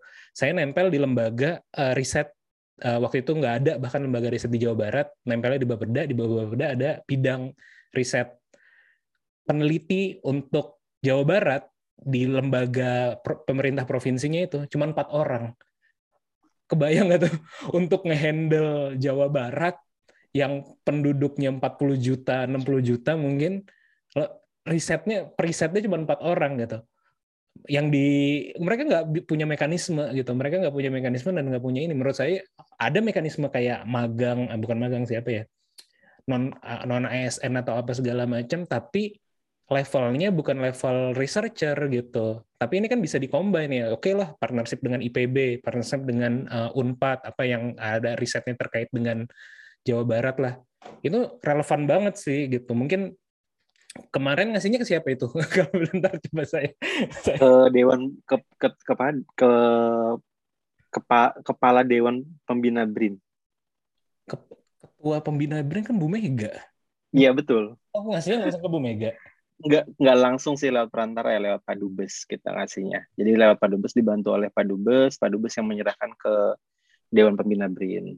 I see, I see, I see. Kepala atau ketua ya? Saya mohon maaf kalau salah nih antara ketua atau kepala ya uh, Dewan Pembina BRIN ya, entah. beliau. Jadi juga jadi uh, sebelumnya kan memang waktu itu kan BRIN belum ada ya waktu kita propose kan dengan Pak Menteri dulu Pak Pak Mbak Profesor Bambang Brojonegoro ya. Uh, dulu kan eh sudah ada BRIN ya, tapi belum digabung dengan yang lain ya. Eh, Mas, mas- udah beliau menteri. Ya, beliau kan menteri slash kan kepala BRIN ya. Kalau sekarang kan BRIN. Kalau ke sekarang kan ini aja ya kepala BRIN saja kan Pak LT Handoko gitu kan. Nah, jadi uh, kita coba karena kebetulan memang sebenarnya momentum sih kita uh, mencari momentum ya dalam arti uh, beliau datang ke sini sebagai Dewan Pembina BRIN kan tentunya itu menjadi angin segar ya buat kita kan ya untuk menyampaikan uh, kita punya proposal loh ini gitu kan karena memang harapannya ya namanya juga kita coba ya ini kan kita coba propose idea gitu ya kayak uh, namanya propose mah boleh boleh boleh aja kan sah sah saja ya mau nanti beneran di di apa namanya diambil atau tidak yaitu uh, belakangan gitu ya. Yang penting kan kita punya ide dulu gitu. Nah itu harapan kita sih. Karena belajar dari uh, kasus kami ya yang di USD tadi uh, kita itu dilatih untuk jadi researcher dapat gelar juga gitu karena dan digaji sebenarnya kan ya. Jadi uh, dan menyiap. Dan sekaligus kalau misalnya orang Korean ya yang Korean biasanya mereka lanjut postdoc atau jadi apa researcher di di institut itu gitu ya. Nggak perlu ngulang dari lagi di awal. Soalnya kalau misalnya kita mau rekrut orang doang nih rekrut orang untuk jadi intern gitu ya bisa jadi bisa jadi dia nggak mau gitu jadi intern. Ngapain saya jadi intern misalnya gitu kan ya? Uh, udahlah let's say nggak tahu ya competitive salary seperti apa gitu ya. Kalau di sini kan malah oke okay, uh, salary-nya mungkin nggak terlalu besar dibandingkan researcher tapi dia dapat gelar juga gitu menguntungkan gitu ya. Nah, itu kalau dari segi yang ini ya kita ya ngomongin benefit ya di sini ya. Terus dilatih juga kan riset dengan yang para researcher ahli di mana namanya di Indonesia gitu kan ya. Yang rata-rata kalau di sini yang bisa jadi profesor yang sudah S3 dan punya level jabatan ter, level apa sih namanya fungsional tertentu ya. Jadi minimal udah S3 sih intinya. Hmm. S3 kan jadi yang melatih kan yang sudah tahulah riset itu kayak gimana gitu. Hmm. Nah, seperti itu. Ya, ya, ya. Itu menarik banget sih sebenarnya. Uh, itu juga bisa jadi inspirasi juga karena karena apa ya? Kalau kalau karena saya sudut pandangnya adalah bisnis sebenarnya itu bisa dipakai untuk uh, ya kalau ada riset dengan kampus uh, kita buka beasiswa tapi sebenarnya riset untuk apa yang industri mau gitu ya apa yang bisnis mauin uh, ibaratnya salary juga dia dapat benefit dan kalau kuliah kan kontraknya ibaratnya apa ya lebih kecil si orang ini akan hilang gitu. Karena kan maksudnya kabur atau ke mana karena kan lo berharap untuk lulus kuliah dan dapat gelar juga kayak gitu. Jadi betul, less likely secara resiko akan lebih bagus. Kalau itu diterapkan di uh, lembaga riset daerah ataupun pusat akan menurut saya sih uh, banyak banget uh, diaspora mungkin yang kebingungan balik bisa balik dengan tools ini juga gitu kan dengan dengan cara ini kalau kalau kalau saya lihat Menarik, menarik, menarik, menarik. Uh, sekaligus ngomongin itu tadi ngomongin Apik kan ya dan Apik udah propose kayak gitu juga. Uh, Apik itu apa sebenarnya bro? Maksudnya kemarin tadi yeah. adalah asosiasi yeah. peneliti Indonesia. Peneliti Indonesia di Korea ya pas kita Jadi kita ngobrol, pas kita lagi ngobrol di sana kan sama Habib tuh di yeah. Korea atau ya di atau slash lulusan Korea lulusan Korea. Ya lulusan Korea. Jadi dua-duanya berlaku. yang ya, dua-duanya berlaku. Jadi yang di Korea atau yang di Indonesia ataupun di negara lain ya selama dia pernah research di Indonesia di, di Korea ya dia bisa gabung bisa gabung ya di di mana di di Apik ini gitu ya. Kita besar Apik bareng Apik bareng-bareng lah. Jadi Apik ini tuh ada uh, sebenarnya uh, apa ya uh, cikal bakalnya itu banyak sih sebenarnya storynya ya. Tapi memang uh, mungkin memiliki di karena kita butuh momentum ya memang ya. Pada saat itu momentumnya presiden datang kemudian uh, Pak Dubes juga punya ide yang sama kemudian dari bawah juga kita gitu ya. Uh, teman-teman itu punya ide yang sama sebenarnya. Karena setelah lulus PPI ya hmm. setelah lulus terus jadi lulus dari ini kita udah bukan student lagi gitu. Hmm. tapi kita masih di Korea ya. Kita masih di Korea misalnya saya dan teman-teman yang lain yang researcher kita masih di Korea gitu ya. Jadi kita pengen tetap berkontribusi gitu terhadap perkembangan riset di Indonesia gitu kan ya. Gimana caranya gitu kan wadahnya belum ada nih. Akhirnya ya kita propose gitu. Kita buatlah wadah ini gitu ya untuk bisa memberikan kontribusi gitu. Bagaimana kita bisa berkontribusi meskipun kita masih di di Korea Selatan gitu. Dengan berbagai macam hal tentunya ya. Kontribusi ini kan uh, banyak ya uh, apa namanya bentuknya ya. Mulai dari kolaborasi misalnya atau dengan saya kita nggak bilang kalau misalnya kita lebih maju di sini ya, cuman memang uh, pada kenyataannya uh, teknologi kita lebih uh, apa namanya lebih cepat gitu ya di sini terpaparnya ya terpapar lebih dulu lah ibaratnya dengan teknologi gitu ya. Kemudian nanti di Indonesia kita bisa sharing, apalagi di zaman COVID ini ya pandemi ini kan speed up everything gitu ya, semuanya di jadi lebih cepat gitu informasi lebih cepat. Jadi risetnya bisa lebih cepat kemudian bisa sharing juga misalnya penggunaan alat-alat di sini yang yang notabene ada di sini belum tentu ada di Indonesia misalnya.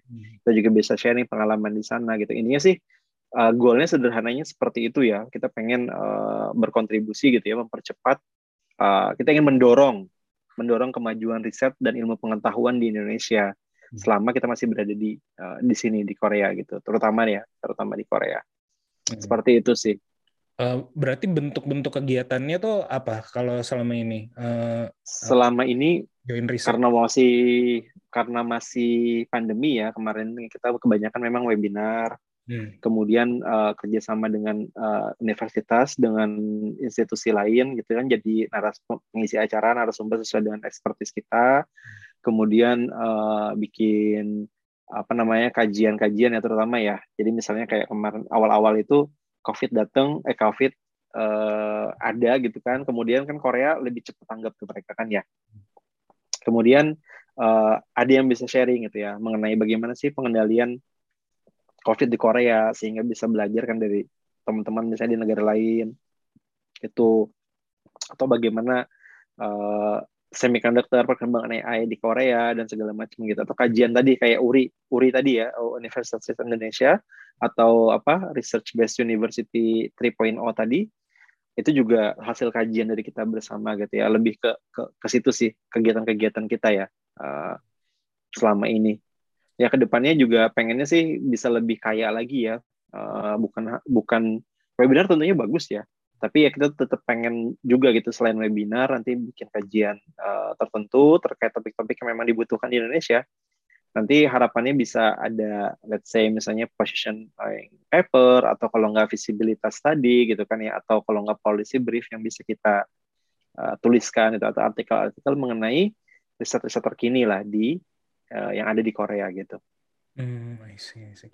Uh, dan membuka peluang juga pas kita ngobrol itu ya uh, membuka peluang juga untuk join riset juga ya. Maksudnya ada uh, researcher Indonesia dari kampus apa uh, kalau setema ataupun misalnya oh gue pengen nyari kampus Korea yang bisa uh, join riset dengan dia itu bisa dibantu oleh Apik juga ya dicari. Ya, yeah, exactly. Bisa kita bisa bantu coba carikan member kita kan ada banyak yang anggota kita kan dengan rata-rata uh, memang mostly 50% lebih itu sekitar 50% lebih ya ada mahasiswa S2 S3 di Korea gitu kan ya. Hmm. yang jadi uh, research apa namanya student researcher lah namanya ya student researcher gitu kan.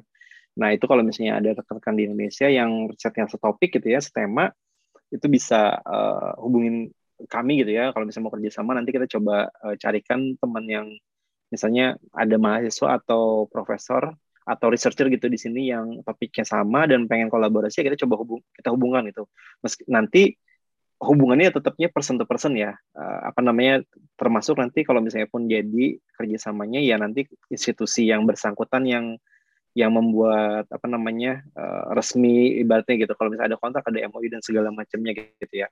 Yang jelas kita kita mencoba untuk menyambungkan ya sejauh ini sih kita mencoba menyambungkan kebutuhan gitu. Mereka teman-teman Indonesia butuhnya apa, kita di sini ada apa, kita coba matchmaking gitu ya. Kita kayak macam belangnya gitu. Mm-hmm. Yang macam belangin uh, sesuai dengan kebutuhan.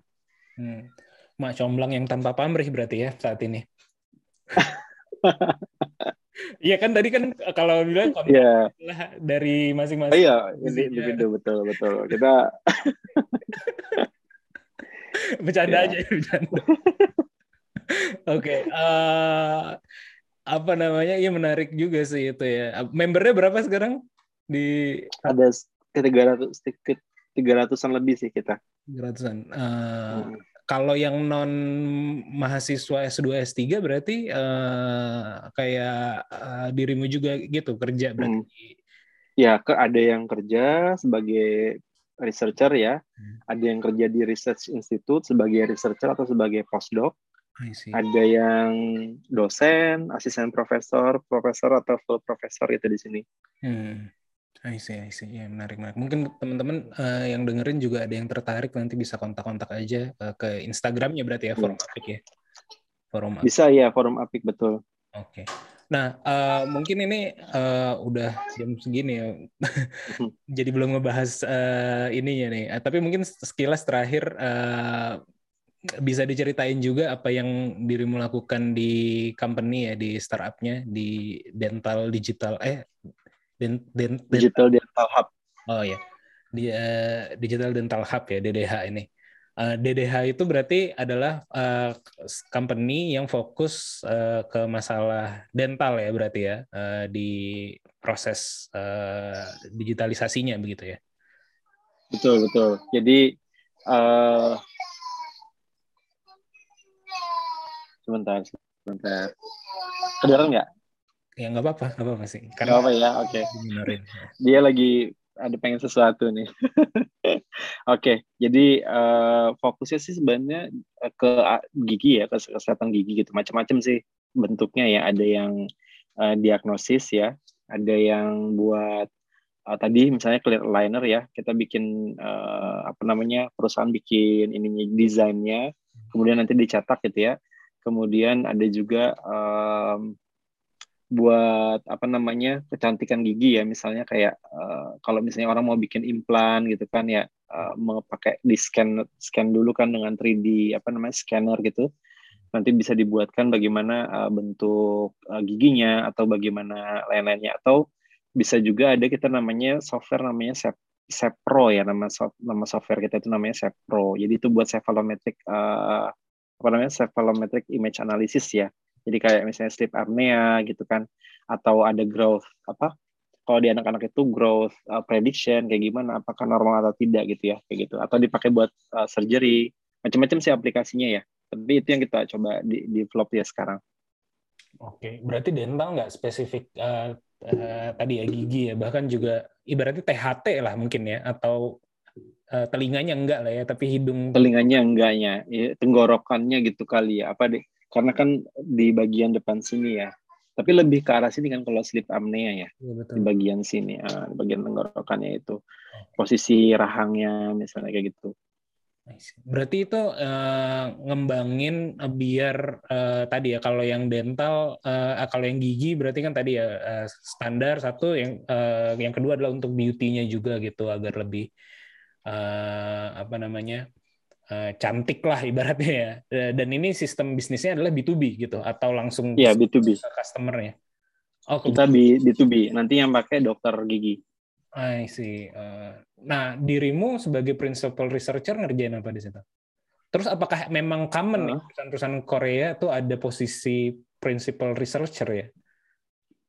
Oh iya, jadi kalau di sini ngerjainnya spesifiknya tadi kalau saya sih sekarang kerjanya yang Sepro ya. Kita eh, saya kebetulan eh, yang pegang Sepro buat model AI-nya ya. Hmm. Kemudian buat eh, beberapa proyek pemerintah lah ya, beberapa proyek pemerintah segmentasi gigi gitu kan, kemudian segmentasi eh, caries gitu kayak cavities ya, eh, diagnosis itu.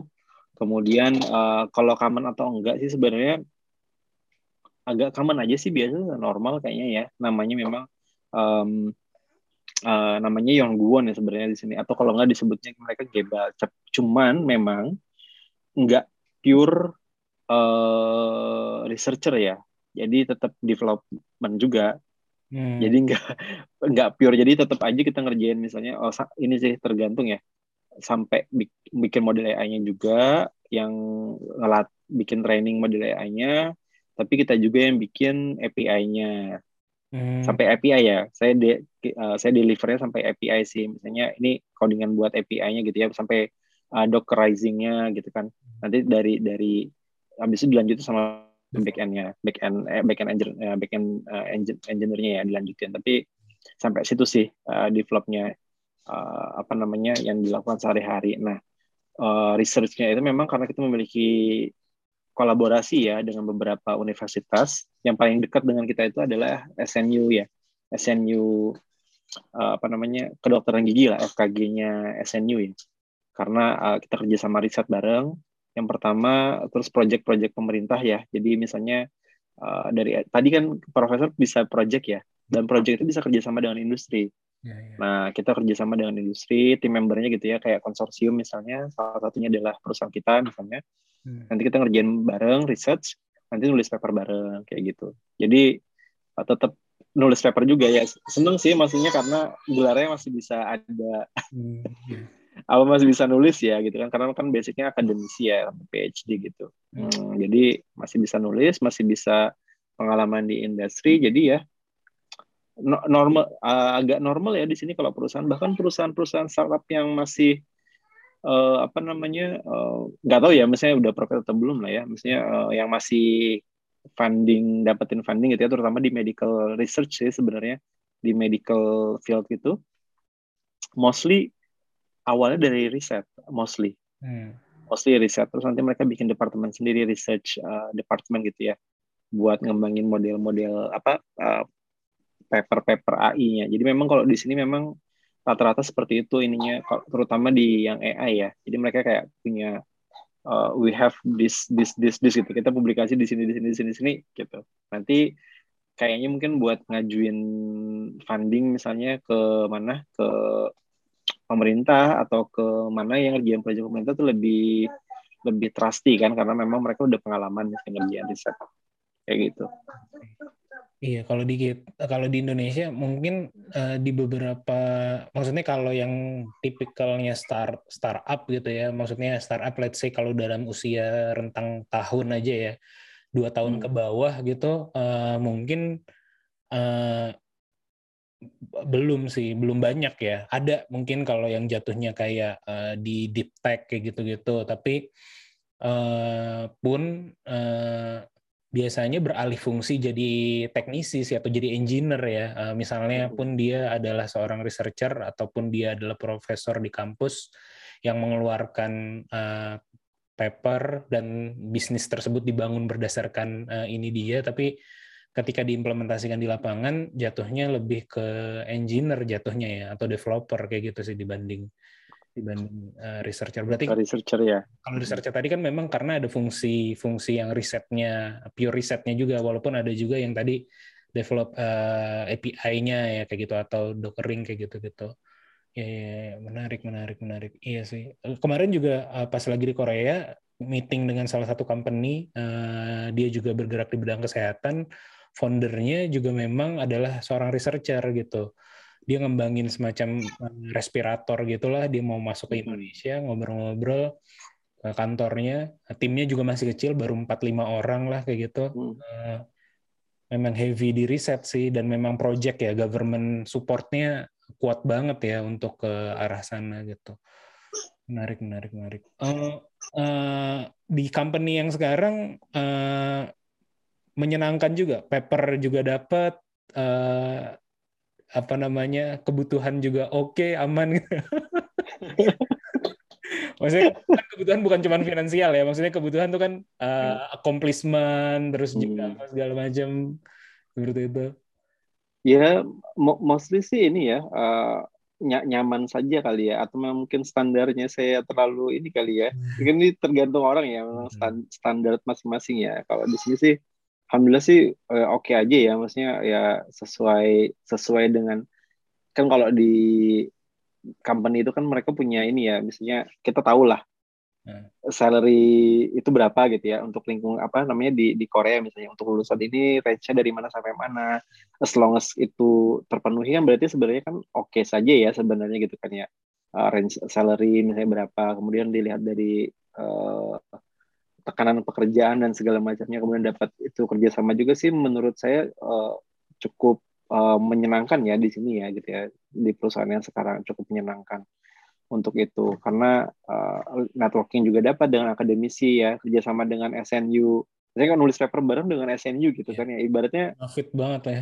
Bona iya kampus gede kan ya gitu kan. Kapan lagi gitu. Kan Nah, apa namanya bisa kerjasama dengan SNU gitu. Eh, kampus yang besar itu juga eh, apa menyenangkan. Apalagi eh, jadi apa namanya co-author ya. Kalau di Indonesia mungkin nggak nggak ini ya nggak nggak lazim gitu co-author ya. Eh, apa namanya equally contributor gitu. Eh, penulis pertama dan penulis kedua. Oh, kalau co-author itu bukan kayak second Oh, atau dia co-author tapi equally contributor kalau di sini oh, equally bisa Oke, uh, equally contributor. Jadi misalnya penulis satu dengan penulis dua itu level lah. kontribusinya sama, ya selevel gitu ya. Jadi meskipun namanya tulis yang kedua, tapi dia sebenarnya sama gitu ya. Hmm. Uh, cuman memang kalau di Indonesia kan nggak menerima yang seperti itu ya. Nah kita di beberapa kali di sini equally kontributor gitu uh, dengan uh, ini dengan apa namanya dengan penulis pertamanya. Hmm. Kemudian uh, apalagi tadi uh, ya fasilitas juga lumayan ya. Kita ngomongin startup ya uh, di sini. Um, secara mesin AI-nya ya untuk kita simulasi juga lumayan oke okay gitu. Kalau misalnya kita bandingkan dengan di Indonesia, uh, satu universitas cuma punya satu mesin gitu namanya di DGX ya namanya DGX gitu kan satu satu kampus satu DGX gitu kan ya uh, di kampus eh di kampus di kantor kita yang kecil hitungannya startup ya kita kecil kan startup itu ya. Kita punya tiga gitu. Hmm. dibandingkan dengan satu universitas cuma punya satu kita punya tiga. Dan itu dapat hibah ya project dari pemerintah gitu. Kita dapat dapat pemerintah kemudian kita punya server 5 gitu. Hmm. hitungannya ini startup ya masih kita yang hitungan startup ya gitu kan. Makanya saya happy gitu kan untuk simulasi. Jadi uh, nggak nggak ini. Meskipun kalau dibandingkan dengan perusahaan yang besar kalau kita ngomonginnya Google Samsungnya itu udah skalanya beda lah ya. Uh, udah levelnya beda itu. Mesinnya mereka udah punya yang udah unlimited lah kayaknya ya. Uh, ininya nggak bisa saingan gitu sama sama mereka gitu ya kalau dari segi itu. Cuman kalau misalnya ngelihatnya kalau ngeliat ke atas terus mah ini ya, cuman kalau buat bikin happy mah ngeliat ke bawah. di Indonesia uh, susah gitu kondisi masih yang seperti itu ya. Jadi memang perlu perlu apa namanya perlu perlu banyak investasi kali ya, uh, apalagi terutama yang itu ya nggak tahu kalau di Indonesia gimana kalau yang perusahaan bergerak di bidang AI ya, hmm. terutama yang vision ya.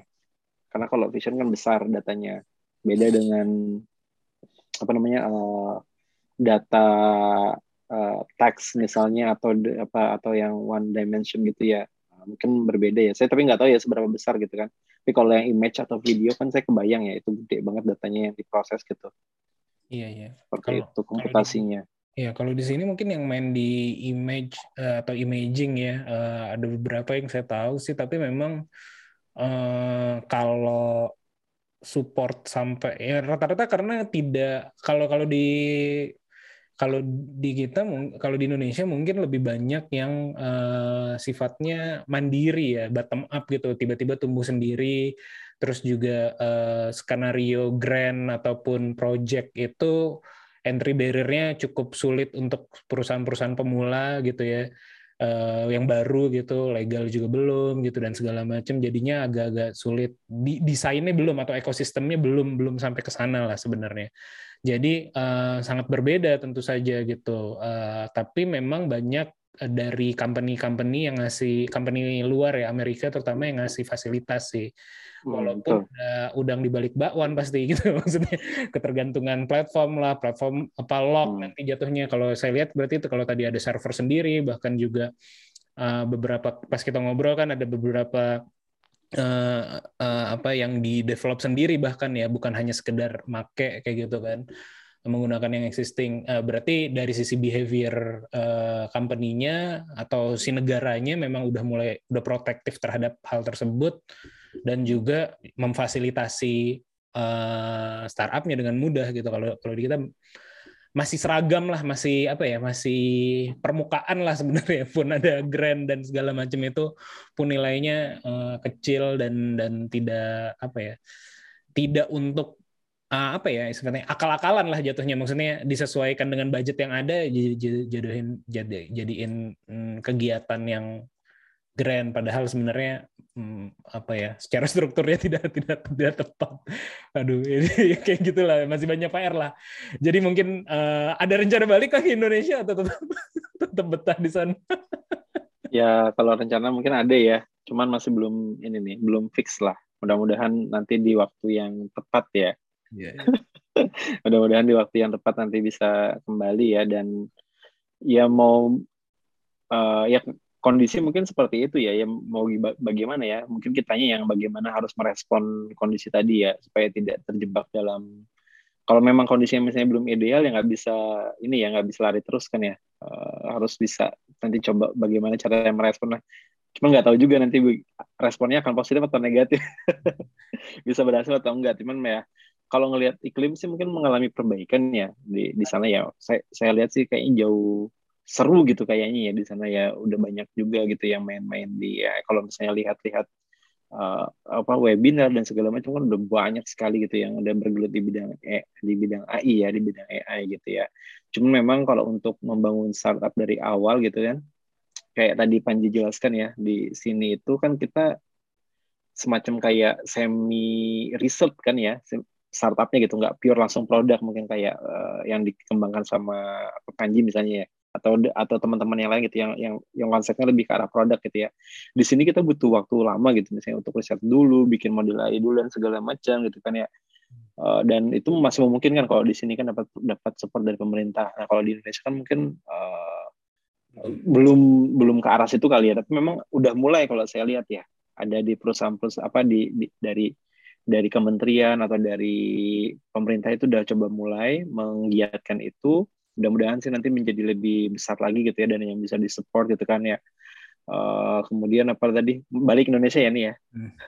balik Indonesia ya mudah-mudahan nanti bisa tetap berkontribusi ya uh, apa namanya di di sana gitu ya. Ketika nanti balik tuh di waktu yang tepat dan semuanya bisa berjalan dengan baik ya amin amin amin. Saya beberapa kali beberapa episode terakhir nih uh, ngobrol dengan diaspora yang uh, either dua ya tetap mau tinggal di negara tersebut atau mau balik lagi. Ya dua-duanya oke okay sih menurut saya pilihan yang masing-masing balik lagi ke pilihannya masing-masing gitu. Uh, tapi ya benar Indonesia pasti uh, menuju lebih baik karena udah nggak mungkin menuju lebih buruk kan. Berarti belakang dinding nih mau ke mana lagi gitu kan. Pasti maju gitu harus maju ya. Tapi emang oke okay, oke okay sih kayaknya kelihatan nih apalagi bisa ketemu nih apa ketemu kemarin ketemu Panji Harlan. Itu kan ah, udah salah satu tanda yang pasti gitu ya. Kalau misalnya mengalami perbaikan kan orang udah ada apa namanya nih eh, startup startup atau perusahaan-perusahaan datang sampai ke luar negeri kan itu udah oke okay banget menurut saya sih Iya, tapi uh, ya, don't expect too much juga maksudnya. itu mungkin ini ya apa namanya uh, tadi seperti saya bilang sifatnya lebih banyak yang bottom up atau juga ya uh, kalau Korea kan bahkan ke industri kreatifnya ke uh, bukan cuma ke teknologinya ya ke industri kreatif kan by design kayak gitu. Nah kalau kita nih uh, belum by design lah uh, outliers hmm. kebetulan ada. Siap siap siap siap. Kemudian balik dengan knowledge yang ada bisa jadi outliers juga dari uh, apa ya ya dari ini apa yang mau dilakukan gitu dari yang existing. Cuman mindsetnya jadinya berubah ya. Kalau di sini kan memang uh, sebenarnya nggak pure. Ah, Oke, okay. bener sih by design gitu ya dan banyak uh, bantuan nggak kan? Karena kutip ya bantuan ya. Uh, hibah dan segala macam gitu ya dari pemerintah. Uh, di satu sisi juga memang banyak yang berusaha juga sih ya. Cuma memang uh, cuman memang banyak ya digelontorkan gitu ya dananya gitu ya di sini. Mereka kan punya strategi ini ya namanya. Uh, kayak semacam strategi riset nasional lah ya. Ada aja tetap tertentu yang memang mereka lagi fokuskan. Misalnya termasuk AI jelas ya adalah satu-satunya ya. AI energi renewable energy gitu ya Nah, di Indonesia kan memang tadi udah di highlight ya, ini sifatnya bottom up gitu. Jadi memang mindsetnya kayak memang harus dirubah ya. Hmm. Nggak bisa, uh, bukan nggak bisa ya. Mungkin bisa ya, hmm. berharap bantuan gitu dari pemerintah. Mungkin itu tapi tidak dijadikan prioritas gitu kali ya maksudnya Panji ya. Tidak uh. dijadikan apa namanya, um, ya itulah ya, tidak dijadikan apa kunci ya. Iya betul betul. Uh, kayak tadi uh, jauh lebih baik gitu. Kayak misalnya kemarin kita sempat ngobrol juga masalah uh, apa sih namanya tuh hmm, Nadim punya itu ya apa ya uh, kedai reka yang kayak gitu-gitu. Hmm, kedai reka betul. Join research antara industri dengan ini mulai. Itu oke okay banget itu project anunya programnya. Iya tampak luar gitu. ya, bluntly saya nggak apa-apa saya ngomong ya maksudnya kalau maksudnya uh, untuk akses ke situ tidak mudah juga untuk perusahaan baru gitu loh jatuhnya. Jadi kalau uh, kalau tadi kan by design misalnya dalam artian misalnya yang baru mulai uh, di bawah dua tahun pun sudah mulai bisa uh, akses ke sana gitu kalau di Korea. Kalau di kita mungkin masih banyak administratif yang masih terlalu kaku kayak gitu. Uh, pun uh, riset nasional kita juga ada yang kayak gitu tapi lagi-lagi memang bukan mainan anak-anak lah kayak gitu atau bukan mainan uh, new startup udah ada couplingnya kayak gitu jadi jadi maksud saya uh, positif uh, bagus banget tapi memang uh, uh, perlu effort lah gitu ya. Mungkin bahasa paling enaknya perlu perlu usaha lebih dan juga memang uh, jangan terlalu jadi benar tadi jangan jadi acuan utama gitu. Kita bisa kita hidup uh, dari diri kita sendiri aja gitu sih sebenarnya. Uh, dan kalau udah cukup kreatif sebenarnya uh, bisa akses kan banyak gitu ya. Maksudnya masalah grant untuk research dan macam-macam itu kan bisa kita usahakan di luar dari government gitu. Uh, tanpa mengurangi maksud atau tanpa mengurangi kontribusi government. Saya juga beberapa kali dapat hibah juga dari government kayak gitu uh, dari in Indonesia ataupun dari luar kayak gitu terkait dengan uh, big data atau uh, machine makanya kan kemarin saya kita kenalan gara-gara saya dikenalin nama Nur kan. Nur juga baru join ke kita gitu ke company saya. Uh, dan mudah-mudahan dia bisa bawa budaya itu juga. Dia kan riset di Inggris di London kayak gitu-gitu. Jadi uh, kita pengen jadi beneran perusahaan teknologi lah bukan kayak gimmick aja teknologinya gitu sih sebenarnya mudah-mudahan banyak juga yang bergerak ke arah sana gitu dan uh, ibaratnya kalau kita semua bergerak ke arah yang sama, uh, yang bisa ngemuterin negara ini bareng-bareng kan gitu. Jadinya bukan bukan cuman oke okay, kalau cuman satu yang jalanin, yang lainnya diem kan enggak gitu. Tapi kita yang nge-trigger kalau tidak uh, bisa kita akses sekarang, mudah-mudahan kita bisa dengan membuat pergerakan negara yang ngikutin kan itu bisa juga gitu. Kalau nggak by design dari atas kayak gitu dan begitu sih mudah-mudahan mudah-mudahan bagi yang dengerin juga nggak terlalu ngawang-ngawang ya nih Oke deh, uh, gitu aja ya, Tom. Thank you atas waktunya. Uh, mungkin terakhir ada yang ingin disampaikan lagi kah yang belum sempat saya mention atau saya tanya gitu terkait dengan apik atau terkait dengan diri uh, apalah gitu promosi juga nggak apa-apa kalau ada. Promosi IP yeah. promosi apa gitu bang? Apa ya? Uh, ya paling ini aja sih ya uh, karena memang terkait apik ya karena memang ini kan adalah inisiasi kita bersama ya uh, para peneliti Indonesia di Korea. Jadi mungkin uh, para pendengar ya setia dari podcast ini, ini bisa juga dukung kita ya.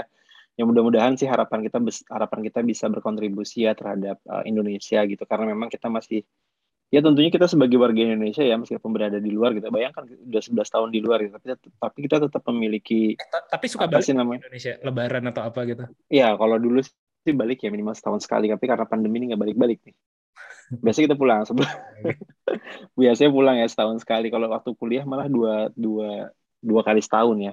Dua kali setahun biasanya. Nah kita masih memiliki ini sih apa uh, ya kepercayaan lah ya bahwa bangsa kita itu akan besar gitu kan. Apalagi ditambah dengan jumlah penduduk yang semakin banyak semakin produktif gitu ya. Bonus demografi yang semakin apa namanya nantinya kan ya kita ya uh, bonus demografi dan segala macamnya gitu ya ya insya Allah kita tetap memiliki semangat sih ya uh, dan keyakinan kita bahwa Indonesia ini bisa kita bersama uh, bisa sukses gitu ya semaju bersama seperti itu sih mungkin terakhir ya dari dari saya. Terima kasih juga nih udah diundang di podcast yang seru banget ini.